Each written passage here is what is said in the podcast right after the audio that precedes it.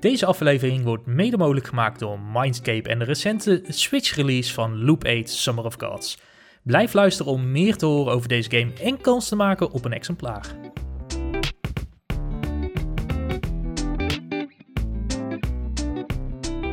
Welkom bij een geanimeerd gesprek, een Nederlandstalige podcast over anime. Ik ben Gerard van Nieuwhuizen. Ik zit in Nederland. En wie eh, heb ik aan de andere kant van de lijn? Uh, ik ben Jocelyn van Alphen en ik zit niet in Nederland. Ik zit in Frankrijk in de kledingkast van mijn ouders. ja, het is even improviseren deze aflevering. Geen Kevin. Kevin is jarig. Kevin, uh, gefeliciteerd. Gefeliciteerd, jongen. Dus, dus we doen het met z'n ja, we doen met tweeën op, op zeer grote afstand van elkaar. Maar Kom wel goed hoor, deze aflevering. Ja hoor, de wonderen van moderne technologie maakt het allemaal mogelijk. Zelfs vanuit de kledingkast vanuit Frankrijk. En ik vanuit mijn slaapkamer in Alphen aan de Rijn komt het helemaal goed. Ja hoor. Um, ik dacht, uh, laten, we eerst even, laten we eerst even kort wat nieuwtjes uh, uh, langs gaan. Ik, ik zie de drie in het document staan. Als eerst had jij er eentje ingezet, Jocelyn. Neer in één keer online op 23 juli. Ja, zoals um, nou, de luisteraars misschien wel weten, is de Nier anime. Dus de anime van de, van de super populaire game Nier Automata. Echt een fantastisch game. Iedereen gaat het spelen. Um, dus daar is dus een anime van gemaakt. Alleen die had heel veel productieproblemen. Uh, dat het vaak stil werd gelegd. Zo ook laatst kwam het, ging het ook weer on hiatus. Uh, ja, het ging een beetje om COVID, problemen met staf en zo. Echt heel erg jammer, want gewoon best een aardige, aardige anime. Gewoon leuk om te zien. Um, en nu zijn ze dus met het nieuws gekomen dat de laatste vier afleveringen volgens mij in één keer online komen op 23 juli op Crunchyroll. Dus dat is een leuk nieuwtje. Dus uh, ik snap dat, dat voor velen die serie ook alweer weggezakt is. Want ja, als je niet steeds iets nieuws krijgt, dan zijn zoveel series en dingen om te doen. Maar uh, ja, gaat dat zien. Of je kan het zien. De ontknoping. Ja. Vind ik leuk. Wat ga jij doen? Ga je... Uh... Ja, ik ga kijken. Ik ga sowieso het afkijken. Ja. ja. Groot fan van die game. En anime is leuk. Dus let's go. Ik ben blij mee. Ja. Maar wel, ja, gewoon vreemd hoe dat gegaan is. Ja, nee, dat, dat is het vooral inderdaad. Volgens mij is hij zelfs twee keer stopgezet of zo. En, Klopt. Uh, nou ja, heel stom. En wat je zegt, als het, als het dan zo weggezakt is, ja.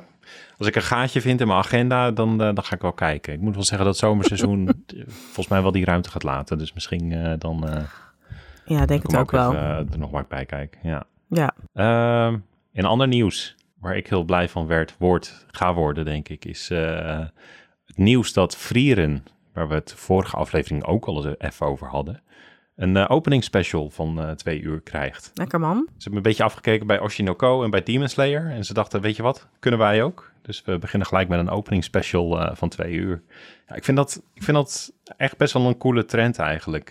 dat, dat je echt gelijk soort van featurefilm uh, krijgt. En, en op die manier gelijk ja, een soort van, uh, hoe zeg je dat? Full course aan de slag kan gaan met je.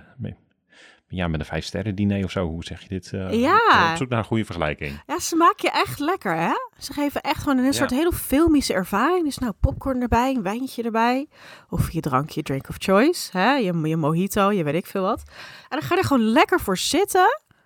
Dan heb je gewoon een filmavondje en dan de volgende week heb je gewoon een aflevering. Dat is toch super leuk. Ik vind het echt een leuke trend. Uh, ik hoop alleen niet dat hij te veel druk gaat leggen op animatiestudio's. Want ik kan me dan voorstellen nou, dat nee. dat uh, dan weer een soort extra pressure is. Um, en het is natuurlijk ook weer een heel ander tempo wat je moet aanhouden als je hè, iets over twee uur moet smeren vergeleken met 20 minuten. Maar ik, um, ik vind het leuk. En ik denk dat dit ook Frieren, dat is ook een anime waar ik echt heel erg naar uitkijk. Over de elf die uh, na het verslaan van de bad guy, um, nou ja, moet, moet, moet geconfronteerd worden met, uh, ja, de helaasheid van het bestaan. Dat zij langer leeft dan de rest van haar party members, die allemaal oud zijn. Super interessant concept. En uh, zeker thematisch ook bij deze anime het concept van, weet je wat, dat gaat toch over tijd en vergankelijkheid. Dat het gewoon mooi is dat ze twee uur de tijd nemen om ons aan de hand mee te nemen in deze wereld. Dus ik heb daar echt zin in. Ik zeg niet dat, um, ja. weet ik veel, Jujutsu Kaisen of zo dit moet gaan doen, als dat weer begint in juli. Maar ja, uh, ja ik, ben, uh, ik ben fan. Ja, grap, ja, ja, grappig genoeg, Demon Slayer deed natuurlijk ook met een uh, extra lange aflevering. Dus op zich, het, het kan ook bij shonen-series ja, geen... wel goed uitpakken. Ja, pakte dat goed uit? Ja. Ik heb het dus nog niet gezien, het laatste seizoen. Nou ja, ik, ik, laat ik zo zeggen. Mensen die van Demon Slayer houden, die, die vonden het vet dat ze extra veel Demon Slayer gelijk in het begin kregen. Ja, okay. Of het, of, of ehm, ik denk dat Frieren eh, twee uur met een, met een twee uur durende aflevering, dat dat echt ook hel- helpt om dat thema inderdaad eh, naar een hoger niveau te tillen.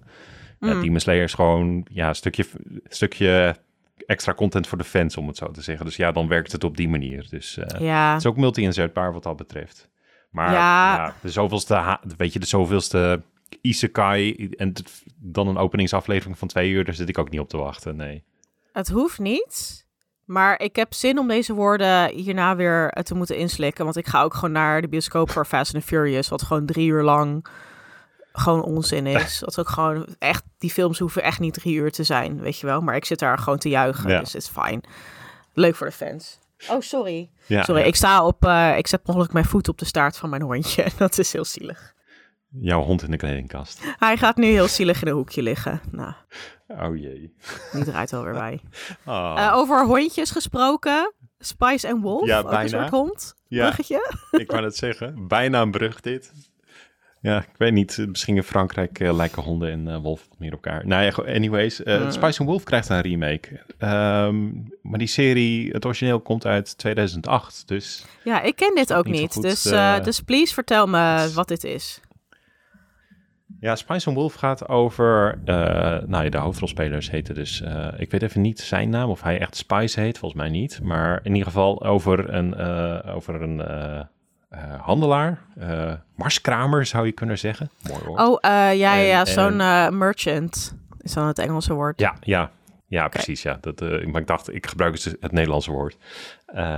en, en dan een wolfgod, of godin, van de...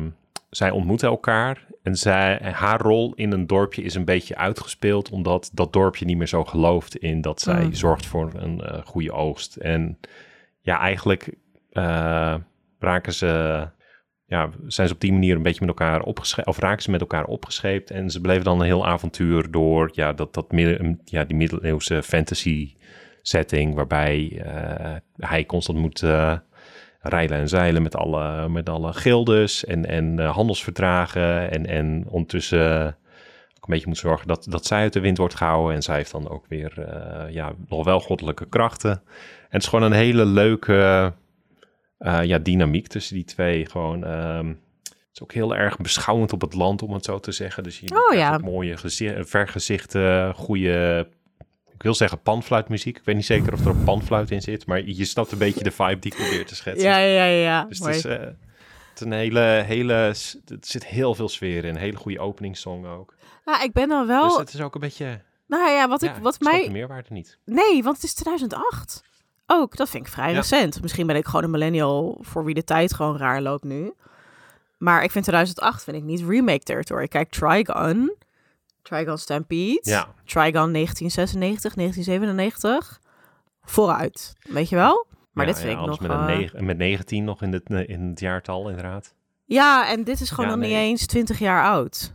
Dus dit is 15 jaar oud of zo. Nou, mm, beetje, nou goed. Ja, het, misschien is het ook wat en gek. het is ook nog... Uh, ja, weet je, je zie, ik, ik, ik heb het vorig jaar uh, het eerste seizoen gekeken. Uh, je ziet het wel dat het, uh, dat het niet super recent is en dat het misschien niet het hoogste budget heeft. Maar het is gewoon, mm. op, het is gewoon een hele goede serie. Het is ook niet dat je zegt, oh, ze hebben toen wat laten liggen en nu met een remake kan je er alles opeens uithalen. Nee, ze hebben er al heel veel uitgehaald. Ook. Ja. Dus, ja, don't know. Ah ja, je weet het niet. Ik bedoel, als je kijkt naar uh, een serie als Hunter Hunter, dat had, was oorspronkelijk in 1997 kwam dat uit. En toen kwam er ook een remake in 2011, ook vrij kort mm. na elkaar. Maar toen hadden ze veel meer manga-materiaal om het op te baseren. En zo ook Fullmetal Alchemist, oorsprong origineel 2003, ja. de remake 2009, 2010. Dat je ook denkt van, nou, is ook vrij kort na elkaar. Ja. Maar toen was de manga dus af. Of bijna af. En toen konden ze dus de remake heel trouw aan de manga maken. Dus dat zijn wel echt twee ja, heel verschillende ja. versies, allebei. Uh, dus ja, maar dat is hier dus niet het geval. Ze gaan dus hier gewoon een anime die al gewoon prima was. Wat ook gewoon ja, afhaal, nee, verhaal dat af was, gaan ze dus remaken. Ja, nou, of het af was, dat kan ik nu even snel checken. Uh, oh, is dat, dat mijn dat hond? weet ik niet zeker. Ik hoor jouw hond uh, die loopt op de achtergrond ondertussen. Spice en Wolf, jongens. Nou, volgens mij... Nou, volgens mij Spice and Wolf loopt nog steeds dus nog.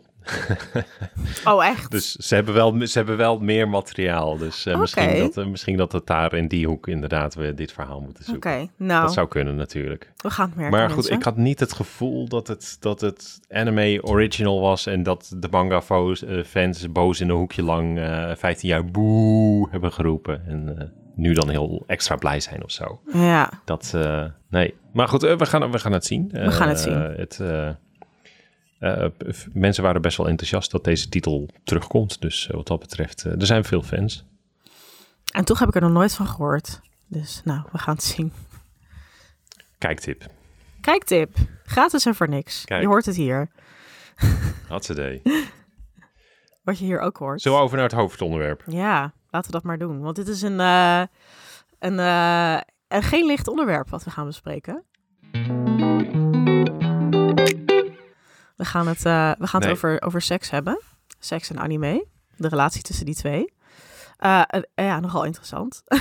en ik denk ook niet, kijk, er valt hier zoveel over te onderzoeken en te vertellen en te bespreken en die af te vragen. dat het gewoon, ja, het wordt een beetje in vogelvlucht. Dus dat is disclaimer 1. Ehm, disclaimer 2, dit is not safe for work, Ja. deze aflevering. Dus als je dit op speakertjes luistert, op de zaak, Nee. nee. of waar je kinderen bij zijn, ik zou het even Ja. niet doen. Eh, optie 3, of optie 3, disclaimer 3, dat het eh, best wel een heteronormatieve ja, zooi is eigenlijk. Ehm, helaas is anime gewoon best wel vaak ja, toch een beetje hetero-coded. En zeker als het ook gewoon wat over explicietere seks gaat, dan is dat gewoon wel vaak van de hetero eh, smaak. Ehm, Ja. ja, LH, LHBTI plus thema's is eh, ja, een heel belangrijk onderwerp, wat ook zeker ehm, in anime veel terugkomt. Eh, en dat verdient gewoon heel erg, in ieder geval een eigen aflevering, misschien meerdere afleveringen. Dus daar gaan we zeker de benodigde aandacht aan besteden.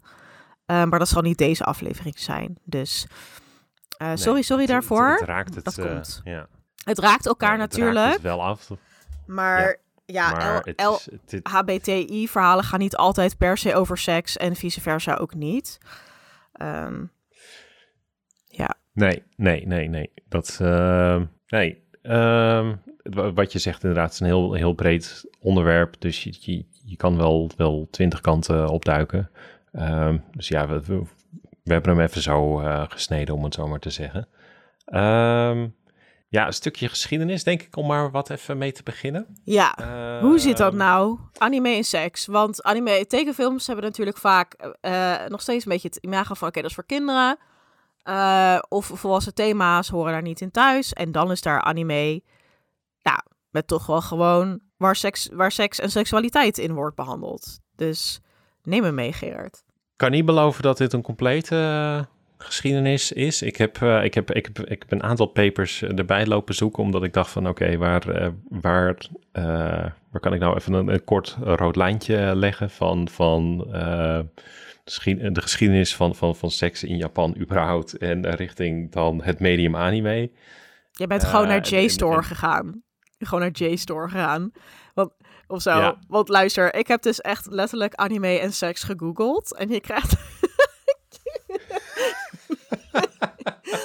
je krijgt eh, Goed idee. niet... Je krijgt geen academische artikelen als je dat googelt. Nee, Dus- ik ben, ik ben naar scho- scholar.google gegaan. Dat, dat hielp eh, enigszins. Nou ja, dat had ik ook even moeten doen. Ehm ja, Scholar.google, eh fijne conclusie dat, dat 20 jaar na mijn studie dat nog steeds even ruk is als dat het 20 jaar geleden was. Maar goed, het, het, het hielp me een beetje op weg. Want ik kwam wel een, een, een paper uit 2005 tegen met een short history of hentai. Toen dacht ik, Amazing. nou, dat is precies wat ik zocht.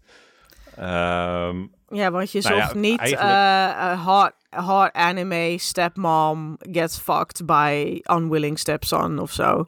Dat krijg je, die resultaten kreeg je niet. Dat nee, voor deze aflevering zocht ik dat niet. Nee, nee, Eh, anyway. Maar oké, en neem me mee in de geschiedenis. Ja, ik, ik geef je even de, de, de, de, de, de, de TLDR-versie, want, want anders dan, dan ben ik daar ook weer heel, heel lang mee bezig. Eigenlijk zijn er twee woorden waarmee eh, eh, je eh, seks zou kunnen nou ja, samenvatten, noem ik het maar even, rondom anime. Dat zijn hentai en ecchi. En ik denk dat hentai de meest bekende van de twee is. Dat woord, dat betekent zoveel als ja, perversiteit. Ja. dingen die in de taboesfeer hangen. Ja, en het is ook vaak wat, wat er geroepen wordt als, als een man bijvoorbeeld een vrouw ja, betast zonder consent. Dan zeggen ze, ah, hentai. Hentai. Ja, dus dat is echt Letterlijk. een, een negatief geladen term. Ja, gewoon goorlap. Ja. Ja. echt een negatieve term. En ook wel echt eh, connotaties met fetischisme, eh taboe onderwerpen. En ja, helaas ook wel dingen als queerness. Eh, dus eigenlijk alles wat afwijkt van de norm is hentai. En dan inderdaad kun je dat heel breed opvatten. Van heel negatief tot redelijk neutraal. Ehm, maar je zegt Ja. het niet zomaar en je noemt iemand het ook niet zomaar. Nee, nee, nee, zeker niet. Het is een term die ook wel be- best wel lang eh, eh, bestaat. En in de jaren 50, dus we gaan eh, da- daar al terug naartoe, had je ook, en dat is eigenlijk een beetje de voorloper van, van onder meer manga, ehm, had je wat, wat, wat boeken waarin onderwerpen die in de taboesfeer zaten, werden, werden besproken. Mm, Ehm, en dat was dus niet alleen ja, de hentai zoals we ze vandaag kennen, zo, zoals de stepmothers waar je het over had. Maar dat ging ook over inderdaad queerness of eh, crossdressing, omdat dat nog toen heel erg in de Ja. taboesfeer hing. Dus het is ook een term die door de jaren heen heel erg is verschoven van... ehm, ja, het- Japan is, is conservatief. ja, dat kun je Eh, absoluut zeggen. Dus, het zat, dus eh, dit zat in de taboesfeer. Zit het nog steeds wel. Ja, je, volgens mij kun je Eh, nog steeds wel iemand eh, worden. Mensen die, weet ik veel, trans zijn of gewoon crossdresser, nog wel eens gewoon hentai genoemd. Wat gewoon echt fucked up is. Ja. Zoals wij dat hier in het Westen meer kennen, hentai, inderdaad. Dat eigenlijk houden wij hier, ja, dat soort, dat soort, daar associeer ik in ieder geval hentai niet mee. Hier. Nee, hier is het echt, als wij het over hentai hebben, en ook in deze aflevering, voor de duidelijkheid, dan hebben we het over pornografische anime. Hardcore dus echt Ja, ja. hardcore, gewoon de hele reutemeteut anime. Ik kan niet Ja. Ja, en wat je, wat je ziet is, is eigenlijk vanaf de jaren 50. is- Je ziet dus wel dat, er- dat er een verschuiving langzaam ontstaat van, eh, ja, hoe zeg je dat? Een beetje salondiscussies noem ik het Mm. maar. Hè, een blad waarin wordt geschreven dat het langzaam echt een industrie wordt. eh, die ingericht is eh, door mannen en gericht is op mannen. Ja, Eh, nou ja, vandaar ook jouw disclaimer aan het begin van deze aflevering. Het is gewoon heel hetero-normatief en, en dat is eigenlijk toen al ingezet. ja, ja, dat, en dat, dat zie je heel erg. Ehm, dat, ja, weet je, er, er kwamen nog voorbeelden bij, maar eigenlijk, eigenlijk is dat een lijn die vanaf toen is inge- in- eh, ingezet. Ik wil niet zeggen dat het in de jaren 50 beter was, want dat crossdressing of queerness in de taboe, taboesfeer hing ook niet oké. Maar het is ook niet per se beter geworden of zo door de jaren heen. Het is gewoon, eh, dit, dit is de industrie. ja, een beetje jammer, En hè? eigenlijk al sinds de jaren, jaren 60, jaren 50. Ja, Ehm, de andere term die ik even kort noemde was edgy. Die is hier wat minder bekend, denk ik. ja, Ehm, ja, wat kan je daarmee... eh, dit, dit, dat is een, term die... eh, jij had er nog wat over neergezet. ja, Kan jij edgy. misschien even toelichten? Ja, edgy is eigenlijk, eh, als je kijkt naar hentai, als dat echt de hardcore porn... Sorry, mijn hondje. Als hentai echt de hardcore porn is, dan is edgy ja, gewoon wat licht. Zeg maar een soort, ja, gewoon sexy content. Soft. Ehm, Ja. eh, en het is ook, het is ook, het is afgeleid van het woord hentai, want hentai schrijf je natuurlijk H-E-N-T-A-I. En edgy is afgeleid van de Japanse uitspraak van de letter H van hentai, dus H, edgy. Itch. Ehm, ook omdat het dan, een- ja, je wil eigenlijk hentai zeggen, maar je zegt dan, nou ja, edgy is een beetje hentai light. Maar inmiddels is het zo geëvolueerd dat het ook in de volksmond betekent van ook seks hebben. Dus dat je zegt van, oh ja, gisteren eh kino edgy stano. Weet je wel, gisteren heb ik edgy gehad met iemand. Ehm, dus dat. Dus, eh, eh, Ja. En als je kijkt naar anime is het dus een soort, ja, lichtere, gewoon wel, wel seksuele content, maar gewoon niet keiharde eh, porno. Dus een voorbeeld van een, van Ja. een sekscomedy is bijvoorbeeld, ja, Love Hina hangt daar wel een beetje tegenaan. Weet je wel, die, die anime over die jongen die dan in dat badhuis gaat wonen met, met al die mooie vrouwen. En dat ze dan allemaal iets voor hem hebben. En dan, weet je wel, Ja, dan ja, zie heel- je ze af en toe per ongeluk een beetje naakt. Dat soort dingen. Een beetje gewoon heel suggestief. Ja, nee, ik wou zeggen, eigenlijk, ik denk eigenlijk alles wel in het harem-genre. En wat je op Crunchyroll in potentie zou kunnen tegenkomen nog. Monster Musume. Monster Musume is er ook wel zo eentje. Heb je dat gezien, Gerard? Ik heb dat wel gezien.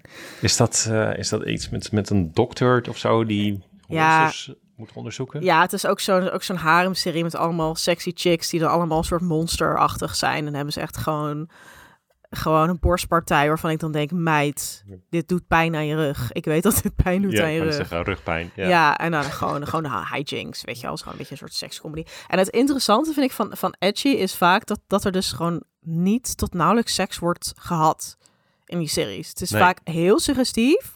Of het is gewoon zeg maar een beetje, ja, je wordt een beetje geëdged of zo. Je ziet veel, veel spanning, je ziet veel geiligheid.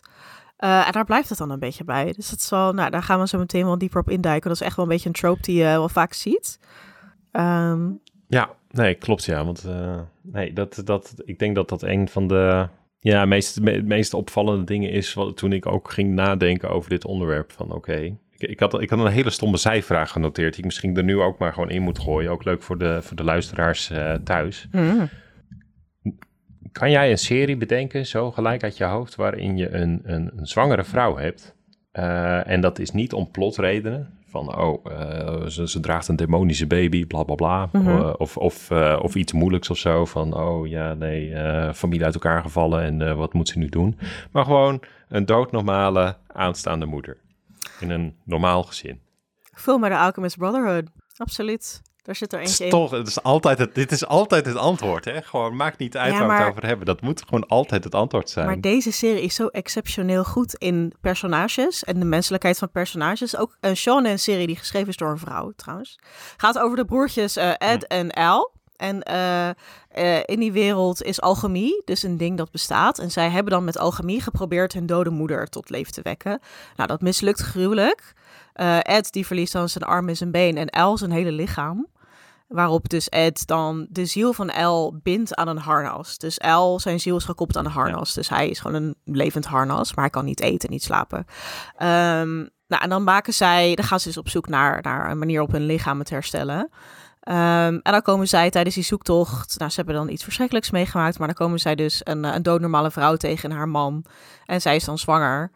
Ehm, en dan samen met hun eh, beste vriendin uit hun jeugd, ja, helpen zij dan die baby de wereld op te zetten. En vooral zij doet dat eigenlijk. Dat meisje, Winry heet zij. Zij doet dat.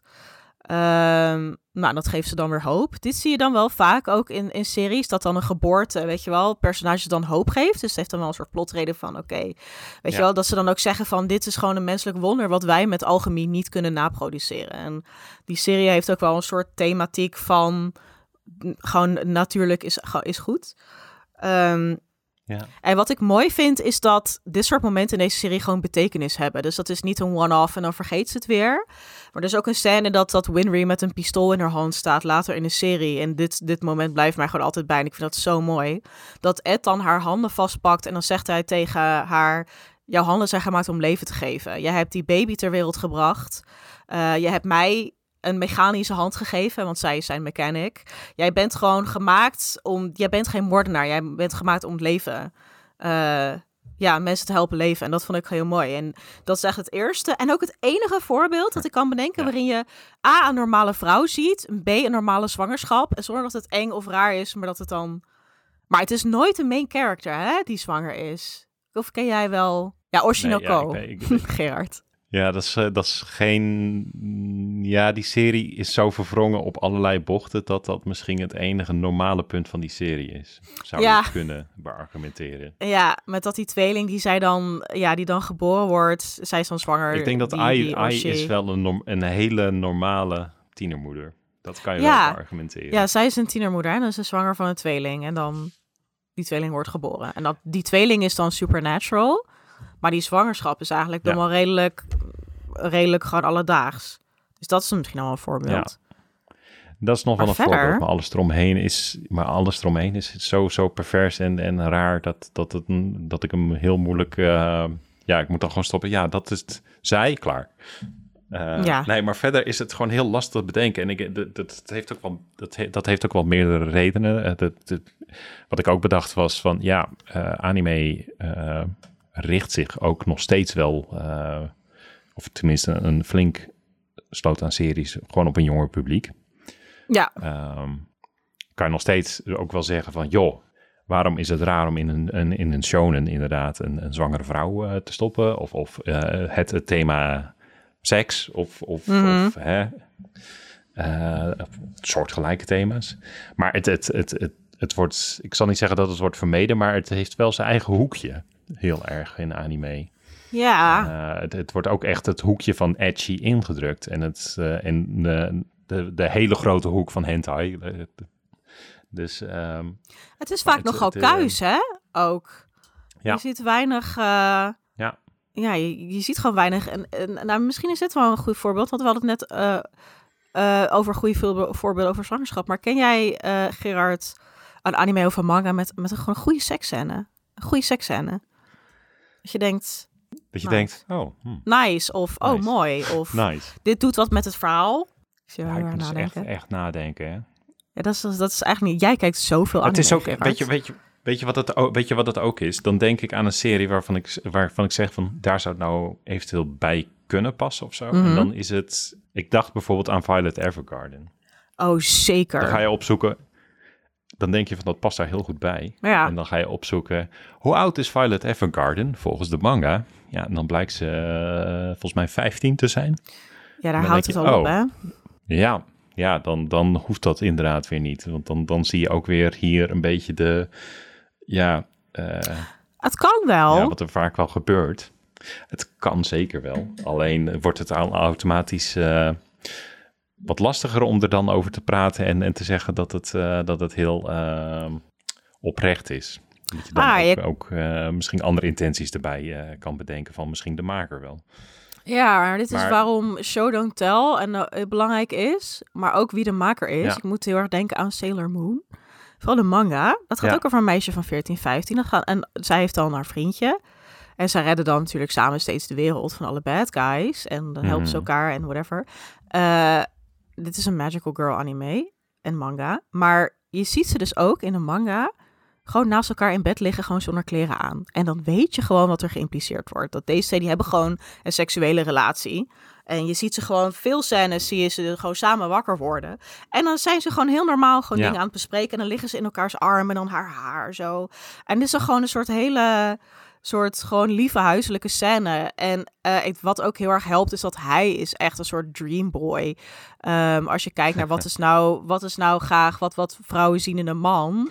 Eh, iemand die heel lief is en heel zorgzaam en heel romantisch. En dat is die Mamoru uit Sailor Moon, die is dat gewoon heel erg. Hij is een heel tedere jongen. Ehm, en zij worden dan gewoon naakt naast elkaar wakker. En dat is dan gewoon heel vanzelfsprekend. Zonder dat je dan eens expliciet die scènes Ja. ziet. En ik denk dat dat een, een manier is om voor een jong publiek... of zeker, eh, ja, ik weet niet. Dit soort thema's, je hoeft het niet altijd zo heel expliciet te maken. Het kan ook gewoon zo, denk ik. Ik, wist, Ja, ik vond het heel nee. mooi en heel mooi gewoon passend. Ja, En nee, het gaf- Nee, maar dit het soort voorbeelden die jij nu noemt, die... Zijn er niet. Zijn er weinig, hè? En, en, en ik weet dat nu ook een Ja. beetje een soort de discourse is, ook onder ja, mensen die wat jonger zijn, ehm, over popcultuur en media. Van waarom moeten altijd maar seksscènes zien? Waarom moeten we altijd maar zien? En ik denk gewoon, ja, soms heeft dat gewoon heel erg een nut. Weet je, wat vertelt iets over personage, het vertelt iets over het verhaal. Ja. Ehm, soms is het ook gewoon leuk om te zien. Like, sorry, waarom zou ik niet van mooie mensen mogen genieten, whatever. Eh, maar het hoeft dus altijd, het, als het gewoon met respect gedaan wordt, eh, dan is dat gewoon mooi. En ik vind het dus gewoon jammer dat, je, dat we gewoon zo weinig voorbeelden kunnen noemen. Want heb je, heb je echt niks bedacht? Nee, ik... Nee, nee, nee, nee, ja, het enige voorbeeld wat ik kan bedenken, of wa- waar, waar ik, nou ja, niet tegenaan liep, maar wat ik kan bedenken is, ehm, dan, dan wordt het gelijk weer, ehm, ja, ja, wat jij net beschreef was heel natuurlijk en, en, en Mhm. eh, het, gaat, het gaat niet eens om het geïmpliceerde, om, om, om de seks in zekere zin.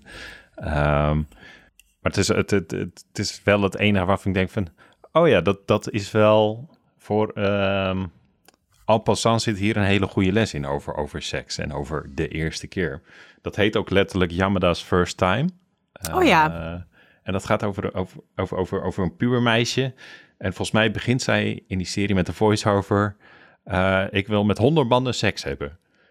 En, dan kind- zie je de vriendinnetje echt kijken van... eh, meid, weet, weet, je überhaupt hoe, weet je überhaupt hoe een piemel eruit ziet? en dat, volgens mij vraagt ze dat ook zo praktisch.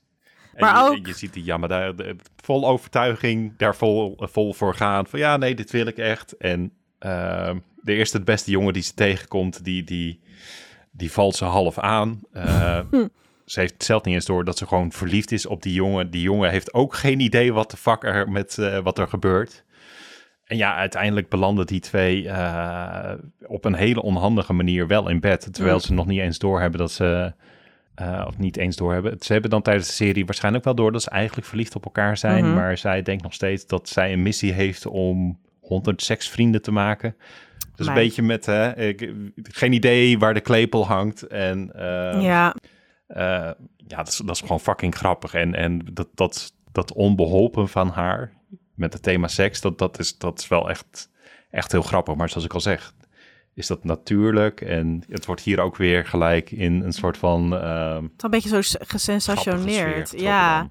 En het is ook gewoon, ja, ja deze ja, ja, hoofdrolspeler is ook echt 13 of zo, toch? Dat is ook weer een beetje dat ik denk van, sorry, welke 13-jarige is er zo mee bezig? Nee, goed. Nee, dat, dat is het. Daardoor wordt het, wordt het weer een beetje een, een karikatuur. Ja. Uh, heel snel, inderdaad. Ja, dus, dus nou, echt gewoon, ja. Weet je welke serie... Nee, het, het is lastig. Weet je welke serie dit het goed doet? Uh, en de personages zijn wat ouder en het is geen karikatuur? Nana. De serie over twee meisjes van 20, Nana. die allebei Tuurlijk, Nana heten. Ja. Als ze heten allebei Nana, ze zijn in de 20, ja, begin nee, 20. Tuurlijk. En ze verhuizen ja. allebei naar Tokio. De ene om achter haar vriendje na te gaan. En de ander omdat zij een rockster wil worden. En dan komen ze samen wonen ze in een appartement. En dat gaat dan ook voor natuurlijk voor een heel groot deel over ja. relaties. En ja, die seks, dat is gewoon ja, heel echt. Gewoon heel, soms ook gewoon niet, niet goed voor je, weet je wel? Dat, je, dat, dat, ze, dat ze keuzes maken ja. dat je denkt, oh meid. Maar ja, we've all been there. Gewoon, ja, gewoon slechte vriendjes, uh, ja, manipulatieve mannen. Maar dus ook reconnecten met je one true love. Uh, iemand vinden die wel goed voor je is. Weet je, die spanning tussen, oh, zijn we just friends? Of is er iets anders aan de hand? Hoe mensen ook seks gebruiken om hun eigen pijn te verzachten. Dat zie je ook. Uh, dus het is gewoon heel ja. messy. Ja. Gewoon alle aspecten van ja, gewoon seks en, en gewoon nee, relaties met mensen. Ja. Die serie is echt, echt, echt een aankijker. Uh, een aanrader om te kijken. En soms ook wel gewoon een beetje dat, dat je nou, met de spiegel uh, op de feit wordt gelukkig. Dat je denkt, oh, ik heb deze fout ook gemaakt. Ja. Nou goed, dus ik echt Gerard, ik wil heel graag dat je deze serie gaat kijken en dan kunnen wij het over hebben. Ik, ik heb de eerste drie of vier afleveringen gekeken. Toen dacht ik bij mezelf, oeh, dit is uh, uh, een, een, goed glas wijn uh, serie mm. en, en, en, en, en, een moeilijk boek ernaast serie. Ja, staat dus, op High Dive. Die, die, die, ja, dus ik ben daar nog niet verder mee gaan, maar wat je zegt inderdaad, ja. Want, want een van die nanas die heeft volgens mij ook een relatie met haar oud-leraar. Of had ze? Of, dat of, had ze. was heel erg ja. verliefd op. Zij vertelt dan haar, zeg maar, haar romantische en haar seksuele history. En dan inderdaad, dan is ze 15 en heeft ze dan voor het eerst... Uh, nou ja hij, ja, hij is dan gewoon echt veel ouder. Het is een heel problematische relatie. En hij is dan gewoon ja. Ja, een soort een, een, uh, iemand met een carrière. En zij zit dan in high school. En zij is dan overtuigd. En ik ben helemaal verliefd op hem nou ja, je weet dat hij haar natuurlijk gewoon ja, gebruikt. En ze zei, ja. ze zei van, dan, zij is dan ook de verteller. En dan zegt ze van, ja, ik weet niet eens of de naam die hij me gaf echt is. Misschien heeft hij wel een vrouw ja. thuis. We zagen elkaar alleen maar in hotels. Um, ja, hoe echt was het? Maar het zij, zij vertelt dat zij gewoon een patroon heeft van dat hunkeren naar die liefde. Dat ze dat heel erg in die mannen zoekt. En dan ontwikkelt ze die hele bijzondere vriendschap met die andere Nana, dat meisje. En ja, als ik die serie nu kijk, dan denk ik, hmm, misschien is dat ook wel een beetje meer dan een vriendschap, hoe zij zich voelen naar elkaar. Weet je, want zij zegt dan ook, de relatie die ik met Nana heb, is gewoon, het is alsof ik verliefd ben op haar, maar ze is geen man. Dat denk ik, girl, je bent er bijna. ja. um, maar dat vind ik, ja, ik weet niet. Ik vind dat gewoon, uh, ja, een, een, serie van ik echt denk, die doet het goed. En dat vind ik een van de weinige series. En dat is ook een serie die gewoon best ja. wel oud is. Dus dat is niet, uh, als ik een recent voorbeeld, dan vind ik het moeilijk om te noemen. Het, het, het, het, lijkt, het lijkt wat weinig ruimte ook voor te zijn de laatste jaren. Of, of ja, misschien dat het uh, ook eens in de zoveel jaar uh, nou, ruimte krijgt. Ik weet het ook niet zo goed. Ik moet het misschien toch een beetje over Chainsaw Man hebben dan. Want dat is natuurlijk niet een serie waarin er gesext wordt. Maar er wordt wel heel openlijk gesproken over verlangens. Weet je wel, Denji, die dan zegt ik wil een tiet aanraken. Nou ja, eigenlijk zit daar natuurlijk veel meer achter dan die jongen wil alleen maar een tiet aanraken. Want dat is iemand met zware trauma's, weet je wel, geen ouders, altijd ja. alleen geweest, armoede, geen vrienden gehad. Dus dat is iemand die eigenlijk gewoon honger heeft naar affectie. En dan heb je natuurlijk die Makima die hem dan gewoon heel erg bespeelt. Uh, hij krijgt dan ook de mogelijkheid om seks te hebben met een, uh, met een vrouw die dan wel dronken is. Nou, hij doet het dan niet, want hij is dan verliefd op die Makima. Nou, dan raakt hij voor het eerst een tiet aan en zegt hij, nou, ik vond het eigenlijk niet zoveel aan. En dan klaagt hij daarover tegen Makima van, nou, dat was het dan. En dat zij dan hem vastpakt en dan zegt ze van, als je gevoelens hebt voor iemand, is het echt heel anders. En dan slaat ze een hart echt uit zijn chest. En dat is best wel, dat vond ik een heel erotische scène eigenlijk, dat ze hem dat zo uitlegt. Ik dacht, damn, ik, this electric. Uh, en dan kan toch een scène of een serie toch al sexy zijn zonder dat er, weet je wel, ook met de humor gewoon veel verschillende aspecten behandeld. En nou, ik was daar gewoon wel blij mee hoor. Ja, ja nee, maar dat, maar dat, hoe zeg je dan, dat is een klein onderdeeltje. Een, een ja, scène, zoals je zegt. Het is niet en, de daar, plot. Daar, kan ik, daar zijn wel meer voorbeelden van. Eentje, ja. een serie die ik recent heb gekeken, The Dangers in My Heart, gaat ook over ja, een, een, jongen van 14. Het is gewoon een beetje een edgelord die, die zichzelf afzondert en zegt dat hij iedereen stom vindt. Maar ondertussen is hij mm -hmm. gewoon tot zijn oren verliefd over de hete stoot in de klas. Natuurlijk. Die dan een airhead blijkt. En zij blijkt ook hartstikke verliefd op hem. En nou ja, daar komen ook allemaal gevoelens en moeilijk, moeilijk. Hartstikke, hartstikke lieve serie uiteindelijk. Uh, maar daar is het ook gewoon een beetje allemaal geïmpliceerd en een onderdeeltje van. Maar, maar echt Um, dat het het draagt of dat het, dat het erkend wordt of zo, dat het er is. Dat, dat gebeurt in, in, in ieder geval in, die, in deze serie die ik heb gekeken niet echt. En dat uh, niet zoals in Nana, laten we het dan Nee, dat is gewoon heel erg gewoon de verschillende ja, aspecten, verschillende beweegredenen, um, verschillende soorten ja. seks die je ziet, uh, waarover verteld wordt. Dus dat is gewoon een mooie, well-rounded uh, voorbeeld. Maar ja, je ziet niet zoveel mooie well-rounded voorbeelden. Want misschien is het nu wel een beetje een mooie segue naar tropes die je ziet. uh, als het over seks gaat in anime, stereotypes, dingen die we veel zien. Kevin, hey, uh, waarom zit je eigenlijk niet in deze af... Zit je nou te gamen? Uh, ja, hoezo? We, we zouden morgen toch pas opnemen. Oh, fuck. Dat is vandaag zeker al. Um, uh, ja, uh, anyway. Uh, ja, wat, wat ben je eigenlijk aan het spelen, joh? Nou, dit is dus Loop 8 Summer of Gods van Sea Games. In, in dit verhaal speel je als Nini, een middelbare scholier die in augustus 1983 terugkeert naar het dorpje Ashihara aan de Japanse kust. Uh, ja, hier ga je naar school, maak je nieuwe vrienden en uh, probeer je het einde van de wereld te voorkomen. Uh, sorry, het einde van de wereld? Ja, dat, dat, dat zit zo. Nini is geboren op een ruimtestation nadat een gedeelte van de mensheid de aarde is ontvlucht. Dit om te ontsnappen okay. aan de Kagai, mysterieuze wezens die de mensheid al eeuwenlang tergeren.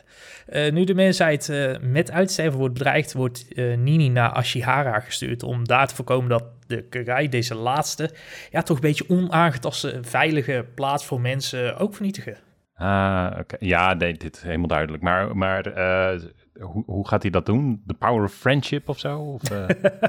ja, grap, grappig dat je zegt, want daar komt het eigenlijk wel op neer. Uh, gedurende zijn tijd in Ashihara bouwt uh, Nini relaties op met de bewoners van het dorp. Daarbij hebben al zijn acties eigenlijk invloed op drie variabelen. Vriendschap, affectie en haat.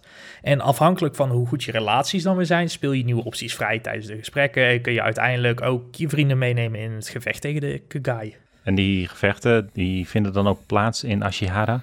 Mm, niet helemaal. Uh, soms gaat er een portaal open en reis je af naar een alternatieve versie van Ashihara, eigenlijk een, een soort onderwereld. Uh, hier leven niet alleen de Kagai, maar ook de geesten van de overledenen bijvoorbeeld. Uh, ho hoewel die geesten hier geen kwaad doen, maken de Kagai jou het liefst zo snel mogelijk een kopje kleiner. Gelukkig kun je met goede relaties dingen als nieuwe aanvallen leren en zelfs mensen redden die in de onderwereld vastzitten. Uh, nadruk op goede relaties, want als er onderling te veel haat uh, heerst, blijven sommige mensen toch liever in de onderwereld achter. En game over dan? Of? Gelukkig niet, uh, anders zou het wel een hele korte game worden. nee, als dat mislukt of als je zelf doodgaat, dan begint de loop eigenlijk opnieuw en kun je jouw keuzes gaan heroverwegen. stop je nu meer aandacht in je studie voor betere statistieken? Of ga je toch met iemand anders praten? Het vernuftige zit hem in het feit dat, hoewel je eigenlijk helemaal opnieuw begint met je loop, het opbouwen van relaties in een nieuwe loop sneller gaat dan voorheen. Zo bouw je dus sneller betere relaties op in de hoop je toch dit keer wat verder te kunnen komen. Oké, oké. Ja, nu snap ik hem. Oké, cool. Eh, en je kan de game dus zelf ook al kopen? Eh, of is dit weer zo'n eh, vroegtijdig exemplaar wat jij ergens eh, vandaan hebt getoverd? Nee, nee, nee. eh, De, de game kan je gewoon nu al kopen eh, voor verschillende platformen, waaronder de Nintendo Switch, wat eigenlijk ook ja, misschien wel het perfecte console is om deze op te spelen, aangezien dit ook onderweg heerlijk wegspeelt. Eh, maar waarom zou je de game kopen? Als je dus ook kans maakt om, om hem te winnen. Want samen met Mindscape, uitgever van de Switch-versie, mogen we een exemplaar van de titel weggeven aan een gelukkige winnaar. Enige wat je hoeft te doen is een aantal eh, vragen te beantwoorden. Dus als je een beetje goed hebt opgelet, eh, dan ga je straks naar de show notes en dan klik je op de link om eh, mee te doen. Zo, super gaaf. Ja, lekker. Lekker bezig. Doe je dan nu ook mee met de rest van de aflevering? Ehm, nou, ik stond dus net op het punt om opnieuw de onderwereld in te duiken en tegen een grote baas te gaan vechten. Dus, ehm, Je- gaat verder gamen dus. ehm, jullie kunnen deze aflevering prima zonder mij af. Eh, Oké, thanks, doei! Ja, en daarvoor hebben wij allebei even eh, Susan Napier erbij gepakt. Eh, zij heeft het boek geschreven Anime from Akira to Howl's Moving Castle. Daar hebben we het, dat boek pakken we er wel vaker bij, want het is gewoon een hele fijne overview van ja, heel veel genres met betrekking tot an- anime, waar, waar zij zeer intelligente dingen over zegt. Ja, dus en zij is. echt Ja, op als je ging zoeken in dat boek. Dus ze heeft een heel hoofdstuk geschreven over, over eh, zij noemt het dan pornografie. Ehm, ja, echt hentai, hè? Dus niet edgy, maar echt gewoon ja, ze- hardcore. ze- ja, ze heeft over- Die vrouw ja, heeft gewoon hardcore porno, anime porno gekeken voor dit boek. Dus shout-out naar haar. En gewoon met respect, eh, weet je wel. Iemand moet het doen, hè? Iemand moet het doen. Ja, wie doet het anders? Ja, ja. Ja, want het is, je kan misschien wel zeggen van, "Huh, ja, waarom porno boeien? Maar dat zegt gewoon wel veel dingen over gender roles, eh, eh, seks, cultuur, maatschappij. Wat is natuurlijk, ja, kunst zegt veel over, over een Ja, maatschappij, over dingen. zeker. Dus Ja. Wat mij nog opviel toen ik eventjes eh, de, de index erbij pakte van het boek. Ik was ook gewoon op zoek van, oké, ja, ik, ik, vind, ik vond uiteraard allemaal quotes over seks en, Mhm. en, en, eh, en, en vrouwen in, in dit hoofdstuk. En ook Mhm. wel mannen in dit hoofdstuk. Maar ik was ook op zoek van, vind ik nog quotes in andere hoofdstukken over misschien dit onderwerp? En het viel erg op dat die er ook gewoon bijna niet waren. Dus ehm, ook hierin zie je weer heel erg die dividing line in zekere zin. Van oké, daar hebben we de hele grote hentai hoek. Eh, verdient een apart hoofdstuk dus ook. Eh, maar ehm, de, de overlap richting andere hoofdstukken zit vooral in die tropes. In, of in een paar van die tropes die ze beschrijft.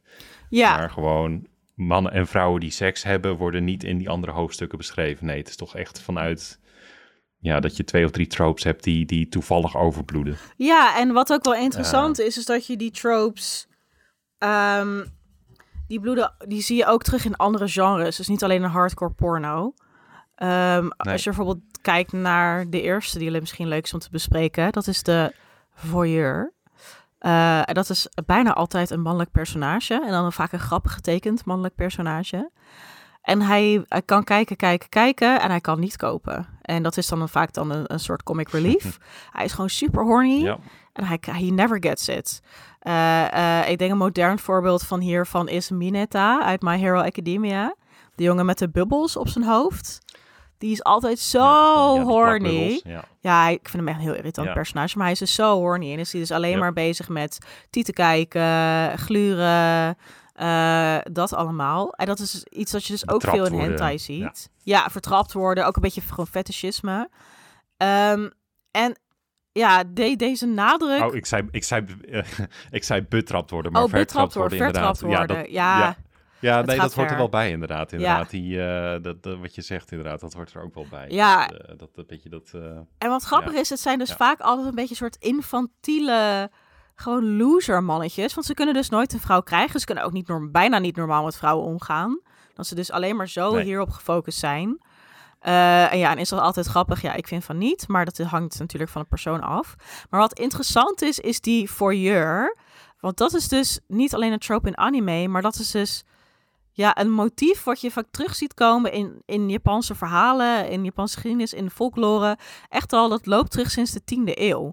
Volgens mij is er toch ook, uh, Gerard, in dat verhaal Genji Monogatari, wat echt de werelds eerste roman is, trouwens. Geschreven door Mhm. een vrouw aan het hof van Kyoto in, wanneer was het nou? God, de 13e eeuw? De 12e eeuw? In ieder geval de eerste roman van de wereld. Wordt, wordt beschouwd wordt als de eerste roman. Eh, dat is eigenlijk gewoon Ja. de sekscapades van de guy Genji. En daar zit ook gewoon wel veel voyeurisme in. Dus dit is wel iets wat, wat, wat gewoon ja, lang terugkomt in, eh, in, in Japan. Dat is wel interesting. Ja, nee, dat, dat, dat- ja. En dan, dan is het ook een beetje van, ehm, ja, kan je er dan echt eh, heel boos over worden of, of iets van vinden of zeggen dat het eh, iets in stand houdt of hoort het bij de, bij de cultuur? Nou, dat, dat, dat, nou ja, dat, dat is daar, eh, vandaar dat we ook al zeiden aan het begin, dat is een hele brede discussie. Hele brede discussie. Trouwens, de Tale of Genji, is, Genji Monogatari, 10e eeuw. Dus dat weten we dat Tiende nu ook. eeuw, kijk. 10e ja. eeuw. Ehm, maar gewoon in de erotische cultuur in Japan is de voyeur speelt gewoon een grote rol. En je ziet hem dus Ja. ook in, in, in andere anime-series en manga overkomen. En wat dit, wat, wat dit dus ook doet, deze trope, is als er een voyeur is, dan moet er ook iets zijn wat gevoyeerd wordt. Dus wat bekeken wordt, begluurd wordt. Ja, En dat zijn dan toch vaak vrouwen. nou vaak. Ik denk Bijna dat je, die, dat ja, je bijna altijd. vaak, bijna altijd, Ja, ja bijna altijd. van kan maken, inderdaad. Ze, ze worden, dus als je die voyeur pakt, want dat is dan de blik waaruit je kijkt. Je ziet hem soms letterlijk in het badhuis gluren, weet je wel. Je ziet hem upskirt kijken, die dingen. Eh, je nodigt de kijker letterlijk uit om zichzelf te verplaatsen in hem. En het is natuurlijk een heel niet dreigend personage. Want het is niet een personale, personage met sexual agency. Of iemand die viriel is of krachtig of zo. Eh dus misschien wel een beetje relatable. Want soms, nou, niet iedereen eh, kan eh, krijgen wie die wil. Ehm, Mhm. maar je, je nodigt de kijker dus uit om zich te verplaatsen in dit personage. Want zo worden dan vaak die vrouwen ook geframed. En je kijkt dan door die voyeur heen. En dat is het problematische aspect. Want de voyeur die gaat, die gaat onder andere ook goed op stiekemigheid. En dat is natuurlijk iets als je begluurd wordt als vrouw. Iedere vrouw is wel eens tegen haar wel in begluurd helaas. Dat voelt gewoon heel fucking goor en invasive. En dat dat dan vaak, weet je wel, voor comedic gewoon effect wordt gespeeld. Is gewoon niet heel cool. Ja. Dat is zacht gezegd. Nee, Ehm. wat, wat ook nog met, hier meespeelt trouwens, omdat die eh voyeur zo, zo infantiel en, en incompetent wordt neergezet, word je als kijker ook heel erg uitgenodigd om je superieur te vo- voelen. Oh ja. in zekere zin uitgenodigd om hier ook eh, je beter over te voelen. Over jezelf of richting Oh ja. jezelf. Ja, want als hij dan Want ook ik, betrapt eh, wordt, dan wordt hij ook geslagen. En dan zeggen ze hentai of ah, etchy, smeerlap, viezerik. Ehm, Ja, en jij als kijker thuis, tegen jou wordt dat niet gezegd inderdaad. Nee, je hebt wel, je, je, je kijkt wel mee. Je wordt niet betrapt. En tegelijk denk je ook van, ik ga niet zo ver. Ik ben niet zo'n, ik ben niet Nee, zo'n sukkel, wat een loser. Ik weet het wel beter. Ik weet, ik weet wel beter dan Ja. eh Ja, Inetta. Ja. Ja. En wat, en, en, Het, en eh, wat dan grappig is, is als je dan kijkt, oké, we hebben deze ene trope. En wat is een andere trope voor mannen? Seksuele trope voor mannen die we vaak zien in anime. is echt het tegenovergestelde, toch Gerard? Van deze sukkel. Ja, de, ja de, de, dat, dat is dan. Ja, de, de, de demonic male eh, noemt eh, Susan Napier het. En, en de als het demonic dan, in, ja, als het dan in, in hentai of pornografie, dan pakt ze voorbeelden erbij, dat, dan, dan gaat het heel ver. Dan is het gewoon, Mm. dan is- zijn deze demonische mannen niet eens meer te herkennen als zijnde mannen. Dat zijn ten, tentakelmonsters, het zijn orks. Het, eh, eh, soms is, eh, is daar helemaal niks meer van, van een mens in te herkennen. Ja, dat is heel heftig. Ehm, ja, waarbij gewoon, hoe zeg je dat, de machtspositie van de man helemaal, ehm, ja, geworden. Ja, tegelijkertijd beschrijft, het- zegt, zegt Susan Napier dat een soort van crisis van het man zijn beschrijft. Of, of, of Mm. een soort van man zijn frustratie uit. Van, ja, eh, weet je, ik moet mezelf nu zo, of er wordt iets zo overpowered neergezet eh, dat je, dat daar een soort van frustratie eh, eh, ja, want het is, het is ook vaak wel echt, weet je wel, er wordt echt gedomineerd. Ook gewoon heel, eh, die rolverdeling is heel sterk aanwezig dan. Ja, misschien toch ook wel een paar, een beetje een soort ja, frustratie inderdaad van eh, niet kunnen krijgen wat je wil. Of toch, eh, ja, toch ook die, die, die, Ook die dat. machtsverhouding die toch bij seksuele relaties tussen mannen en vrouwen vaak komt kijken. Ehm, en wat en, ik een, ook... en een vrijbrief. Om, eh, omdat het zo ver buiten de normale conventies ligt van, eh, van een seksuele relatie of van man- en vrouwverhouding. Mhm. Dat alles ook mag. Want Ja. het is een demon, het is niet meer een persoon. Ja, Dat- en dat- ook daar wordt het ook voor gebruikt. Ja, en ook qua in verhaalvertelling, weet je wel, eh, ja, alles kan. En alles gebeurt dan ook. En dit gebeurt, en wat ik, ik moet gelijk ook denken toen, toen ik over deze trope ook las. Ehm, dit is niet een, een hentai voorbeeld, maar dit is Berserk. Die, eh, die toch al Ja. iconische manga waarvan nou, een paar niet goede anime-verfilmingen zijn. Eh, ik vind dat persoonlijk een ijzersterke manga en gewoon terecht, terecht eh, ja, een iconisch werk. Maar het is wel echt het bij, by far het meest fucked up ding wat ik ooit heb gelezen. Echt for real. Gewoon, dit komt met de grootste, grootst mogelijke trigger warning. Dus echt, lees je even goed in over wat hier allemaal gebeurt aan horrible horror horrors. Eh, voordat je aan begint. Maar tegelijk is het dus ook echt een fascinerend, fascinerende studie eigenlijk van wat kan een mens aan? Wat voor horrors kunnen we aan en waarom Ja. gaan we als mensen door? Ehm, mannen en vrouwen maken gewoon heel veel gewoon seksueel eh, geweld mee.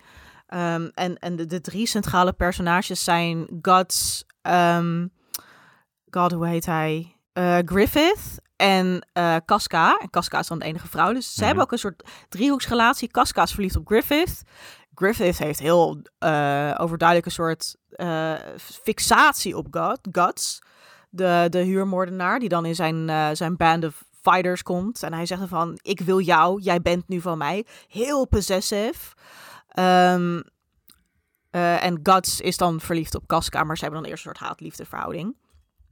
Maar je Ja. ziet dat er ook een soort spanning, soort homoerotische spanning tussen die twee mannen ontstaat. Ehm, eh, je ziet dat eh, Griffith op de avond dat Guts besluit van ik ga jou verlaten, fuck deze hele bende. Dat hij naar de kamer gaat van een meisje waar die, dat, een prinses dat verliefd, die verliefd is op hem. En dan heeft hij seks met haar. En die wordt dan betrapt door haar vader en wordt hij in de kerker gegooid en gewoon extreem gemarteld. is gewoon horrible. Maar die ziet dan ook van die machteloosheid dat hij zich dan gaat uitleven op haar. En zij is natuurlijk gewoon gewillig. Ze denkt, oh my god, my dream boyfriend komt door het raam, weet je wel.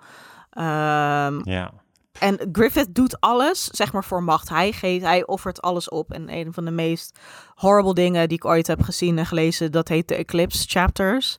Ga maar googlen als je wil weten wat erin zit, want het is echt horrible. Maar Griffith, die, die, die neemt dan de kracht ook van een demon tot zich.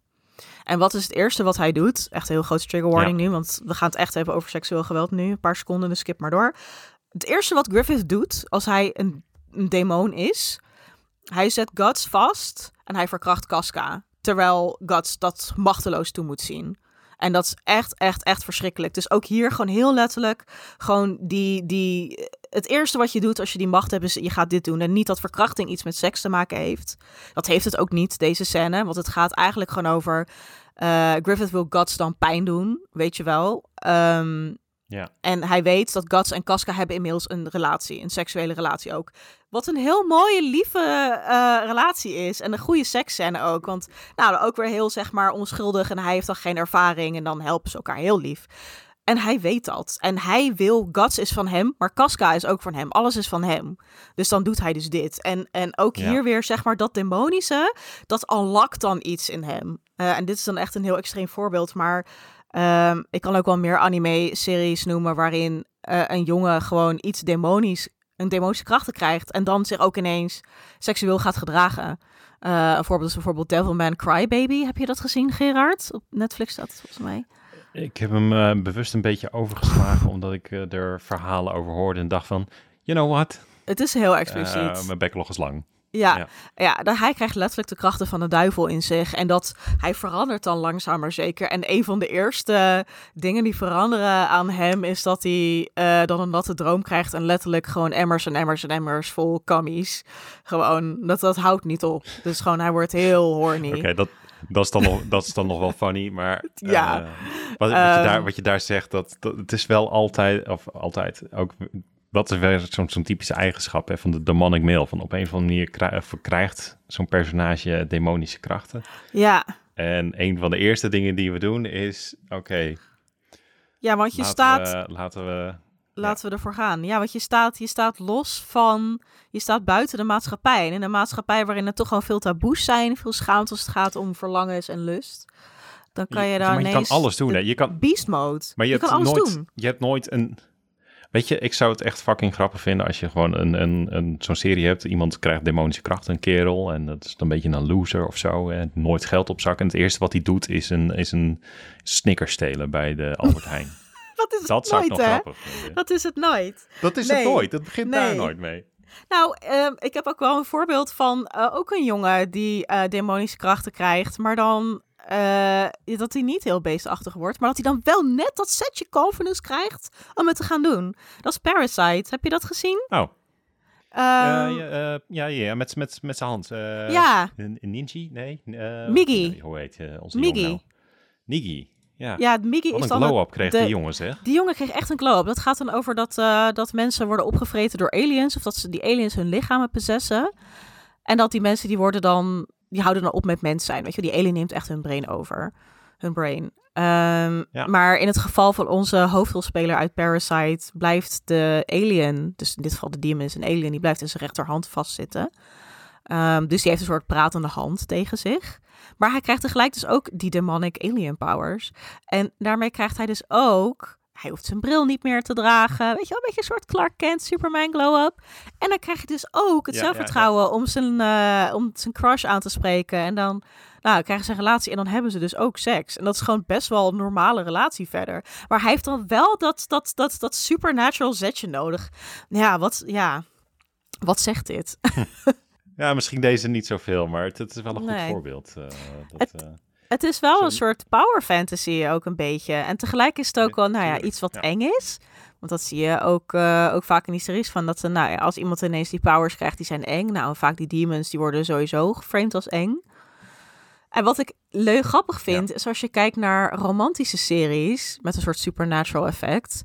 Dus ik moet denken aan Urusei Yatsura, waarin een mooie alienvrouw eh met supernatural krachten eh, verliefd wordt op een aardling, een loser. En eh, iets als Oh My Mhm. Goddess, waarin een loser letterlijk gewoon een godin als een, op zijn eh, adres bezorgd krijgt, die dan zegt ik hou van je forever. Dat zijn vaak, als je kijkt naar, als het echt romcoms zijn, romantische drama's, zijn het vaak bovennatuurlijke vrouwen met krachten, die dan best wel eng ook kunnen zijn. In het geval van Urusei Yatsura, want eh Ataru is Ja. alleen maar bezig met, ik wil die lam met haar enge krachten, ik wil haar zo ver mogelijk van me weg hebben. Zij is ook heel bezittelijk.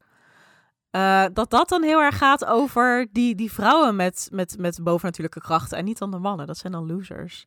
Maar Ja. dan die liefde die Ja, ze hebben de- voor die mannen, die houdt ze dan binnen de perken. Dus daar is dan toch een soort begrenzing. Je ziet nooit een Ja, die nee, mevrouw, dat- toch? Die gij die... ehm, die, die gewoon... Als je ze ziet, worden ze verslagen. Worden ze verslagen en, en klein gemaakt weer. Ja. Vaak. Ja. Ehm, Overigens, dat wat je, wat je daar net beschreef, inderdaad, van hè, die, die supernatuurlijke vrouw met, met eh, de, de overpowerde vrouw, mhm. geeft een naam. Eh, die, die, die, die dan inderdaad voor, eh, voor de man, eigenlijk door de man wordt ingetoomd inderdaad. Dat is ook Ja. zo'n trope inderdaad, die, die Ja. Susan Napier heel erg beschrijft inderdaad. Ja. Ja, en dit heeft ook, hier kan je wel een soort culturele parallel trekken. Want als je kijkt naar Japanse folklore, zijn er superveel supernatural women. Dus ook shapeshifters, vrouwen die in vossen veranderen, in vissen. En dan ineens verdwijnen, weet Ja. je wel, nadat ze een liefde hebben Wolf, gevonden of dat soort dingen. Wolven Hallo, ook. hallo heette die. Hallo Oh, ja. heette ze. Jongen, jongen. Hallo. Dus hier, zit, hier zat ik al bijna een uur mee. Hallo, Nou, kijk aan. zo heette Ja. ze, uit eh Wolf and Spice. Ah ja, kijk. Goed, Ehm, dat even tussendoor.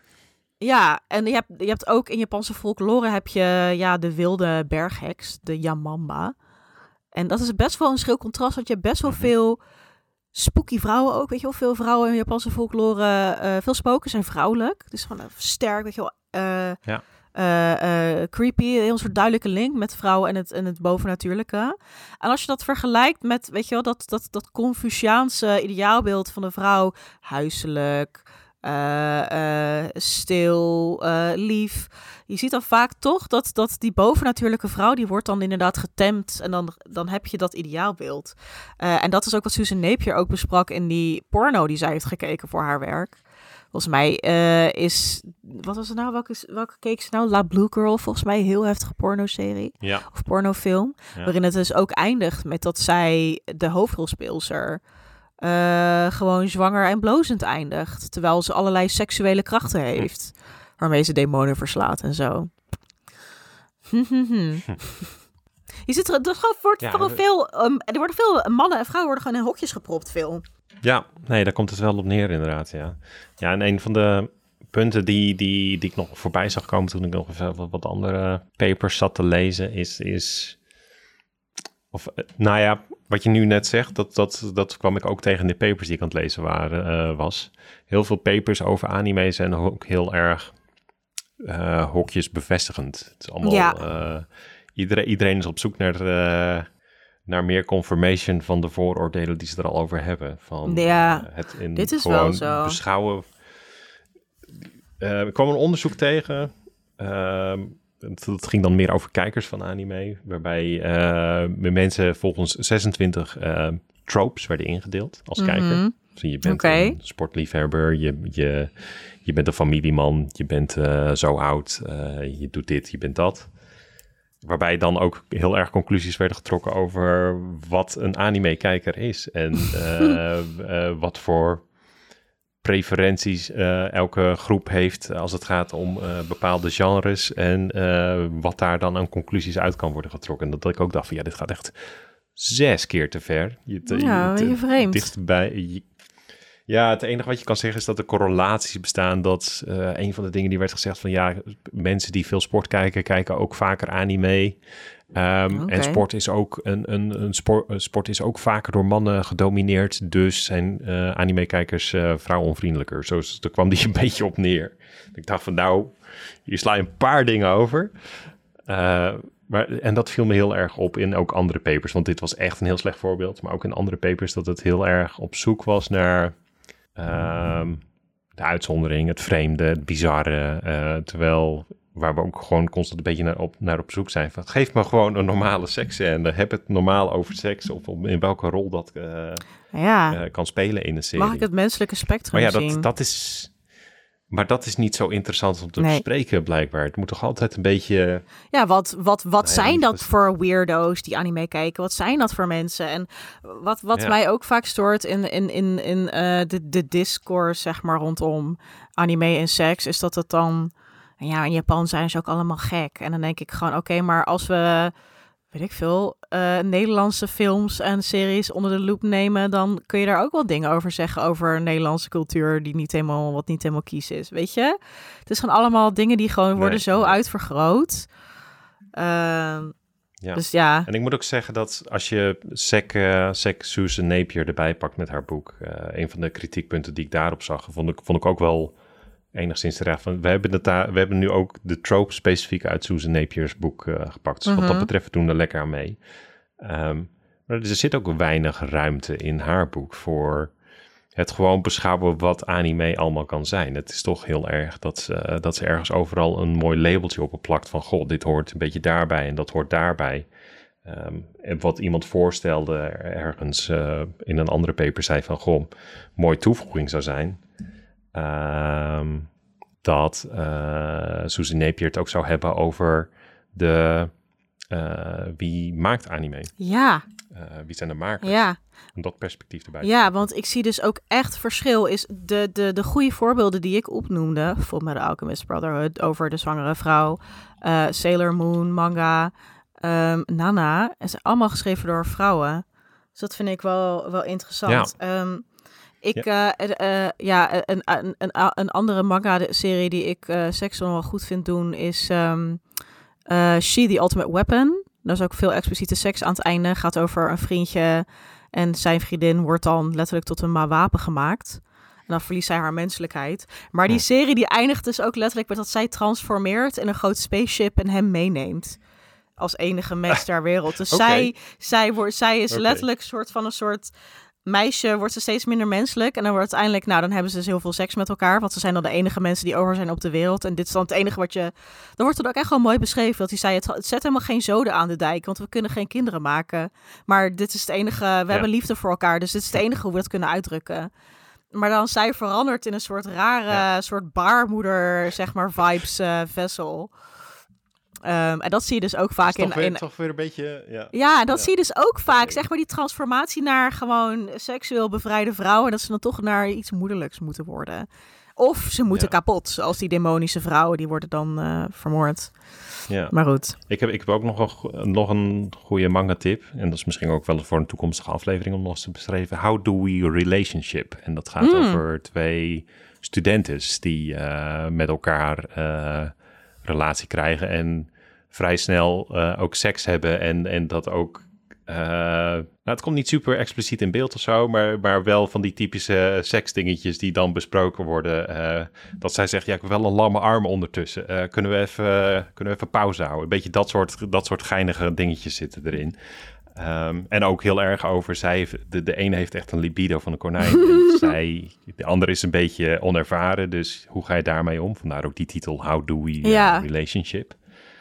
Uh, maar dat is dan, dat is dan weer uh, toevallig een, een, lesbische uh, relatie. Dus misschien voor een andere aflevering. Maar ja. daarin wordt het ook relatief normaal behandeld, om het zo te zeggen. Ze zijn er wel, de normale. Ze zijn er wel. Maar het, het is, het is echt we hebben wel echt een uur lang alleen maar gewaad door uh, ja, de tropes en moeilijkheid en de trigger warnings. Ja, het was wel uh, het, was, het, was, het was een aflevering. hey, weet je wat ik nog even uh, een korte vraag heb aan jou, Gerard?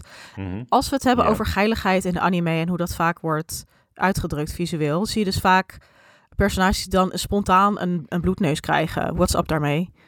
Ja, nee, ik, ik, daar was ik ook even naar op zoek. En, en dat komt dus uit, uit Japanse folklore. Oh, ook. Dus het is echt, echt een soort van... Het heeft niet echt een soort van uh, historische basis. Een wetenschappelijke basis al helemaal niet. Maar het is echt iets uit, uit Japanse folklore. Dus dat, uh, dat is vandaar dat je dat dus ook alleen altijd in anime voorbij ziet komen... en nooit in... Uh, in iets westers of zo. Mm. Dus dat is echt, echt een cultuurding. Ja. Dit dan toevallig wel. Ja, maar het, het, zijn wel veel dingen, weet je wel, dus ja. die uit folklore komen. Weet je wel, de, de transformerende vrouwen, de wilde vrouwen, ja. uh, uh, de ja. nosebleed, de voyeur. Uh, dat, is, dat, dat komt gewoon, dat heeft gewoon een lange culturele geschiedenis kennelijk. dus dat is gewoon misschien leuk om te, nou, volgende keer dat je iets sexy ziet in anime, uh, interessant om in je achterhoofd te houden. En dan misschien bij jezelf te raden gaan van, nou, wat vind ik ervan? Uh, hoe, wat, wat, doet dit met me? En verder mag je natuurlijk ook ja, gewoon dingen sexy en grappig uh, vinden. Daar niet van. Maar... Hadden we het nog niet eens over gehad. Inderdaad, hoe heet het? De houtblok bewerkingskunst. Oh, ja, ukiyo-e. Uit, ja, ja, daar komt ook het nodige uit en voorbij. Heel en, veel schunnige plaatjes. hentai en ja. Erg leuk om een keertje op te zoeken. Uh, en ja, hangt niet in het Sieboldhuis helaas. Maar, nee, uh, maar er zijn af en toe wel eens uh, voorstellingen of tentoonstellingen van Japanse erotische kunst. En dit is echt heel leuk om te zien. de, de term daarvoor specifiek is shunga. S-H-U-N-G-A. Dus kan je ook een keertje googlen. Dat heeft ook... ja, er is gewoon best wel een rijke geschiedenis... een rijke visuele geschiedenis in Japan... Uh, ja. uh, wat uit folklore komt. Veel goden uh, die afgebeeld mogen worden. veel nou ja, mythen, verhalen. Um, allemaal veel personages. Dus het is niet gek dat het een zo'n rijke visuele geschiedenis en daarmee ook anime kent. Met alle tropes van dien. Zullen we gaan afsluiten? Ja, laten we afsluiten. Mij, ik weet, is je hond ondertussen alweer, vindt hij alweer lief? Of. Nee, ja, hij ligt nu een dutje te doen. Ja, hij is dus hier je kan hem daar zien, Gerard. Hij ligt een dichtje te doen. Ja, ik zie hem. Hij, uh, we zitten hier dus in Frankrijk in een dorp. En er zijn dan heel veel honden die buiten blaffen. Of er rijdt iets voorbij en daar moet hij dan wat van vinden. Hij is de kleinste hond in het dorp. Dus hij moet dan een beetje overcompenseren. En daardoor, dat heeft hij de hele dag gedaan. En nu is hij uitgeteld. Dus nu is hij moe. Nu ligt hij in een hoekje een ditje te doen. Terwijl ik dit opneem. Dus sorry luisteraars dat jullie hem af en toe hebben gehoord. Uh, weet dat ik nog leef dankzij hem. Ja, nee, dat, uh, dat, dat is fijn om te horen dat, uh, dat Mitchell je heeft beschermd, inderdaad. Kleine Mitchell. Kleine Mitchell, de puber. Ja. Nee, hij heet Frutsel. Maar nou, de running gag is dat Frutsel Mitchell energy heeft. Mitchell is. dat heeft hij zeker. Anyway, sorry voor deze sidetrack. Nee, tot zover. Dit was een geanimeerd gesprek. Uh, vond je deze podcast leuk en heet? Uh, dat horen we hartstikke graag. Dus uh, laat een recensie achter op de, achter, uh, op de plekken waar dat kan. Spotify, iTunes bijvoorbeeld. We zijn te vinden op allerlei social media kanalen. Op Twitter is dat uh, op het animegesprek. En op TikTok en Instagram, als ik het goed zeg, een geanimeerd gesprek. Ja. We zitten ook op Discord. Kom er gezellig bij. Uh, als je wil weten waar je de Discord kan vinden, kijk op onze website. Dat is www.ungeanimeerdgesprek.nl. Mm -hmm. um, we hebben ook regelmatig prijsvragen bijvoorbeeld. Dus je kan ook dingen winnen. Dus uh, kom er vooral bij. Ja. Dan kan je dingen winnen. Uh, Jos, waar kunnen mensen jou vinden? Je kunt mijn thirst tweets vinden op Twitter. Uh, en dat is at oh my god Jos LOL. Dus at O-M-G-D-J-O-S-L-O-L. Gerard. En jij? Oké. Okay. Ja, uh, mijn OnlyFans, uh, die moet ik nog opzetten. Maar ik ben te vinden op Twitter op uh, GerardosKVK. nou, bedankt voor het luisteren en tot de volgende keer. Ja, stay thirsty mensen. Stay horny en blijf lekker kijken. Stay hot. Ja. Bye!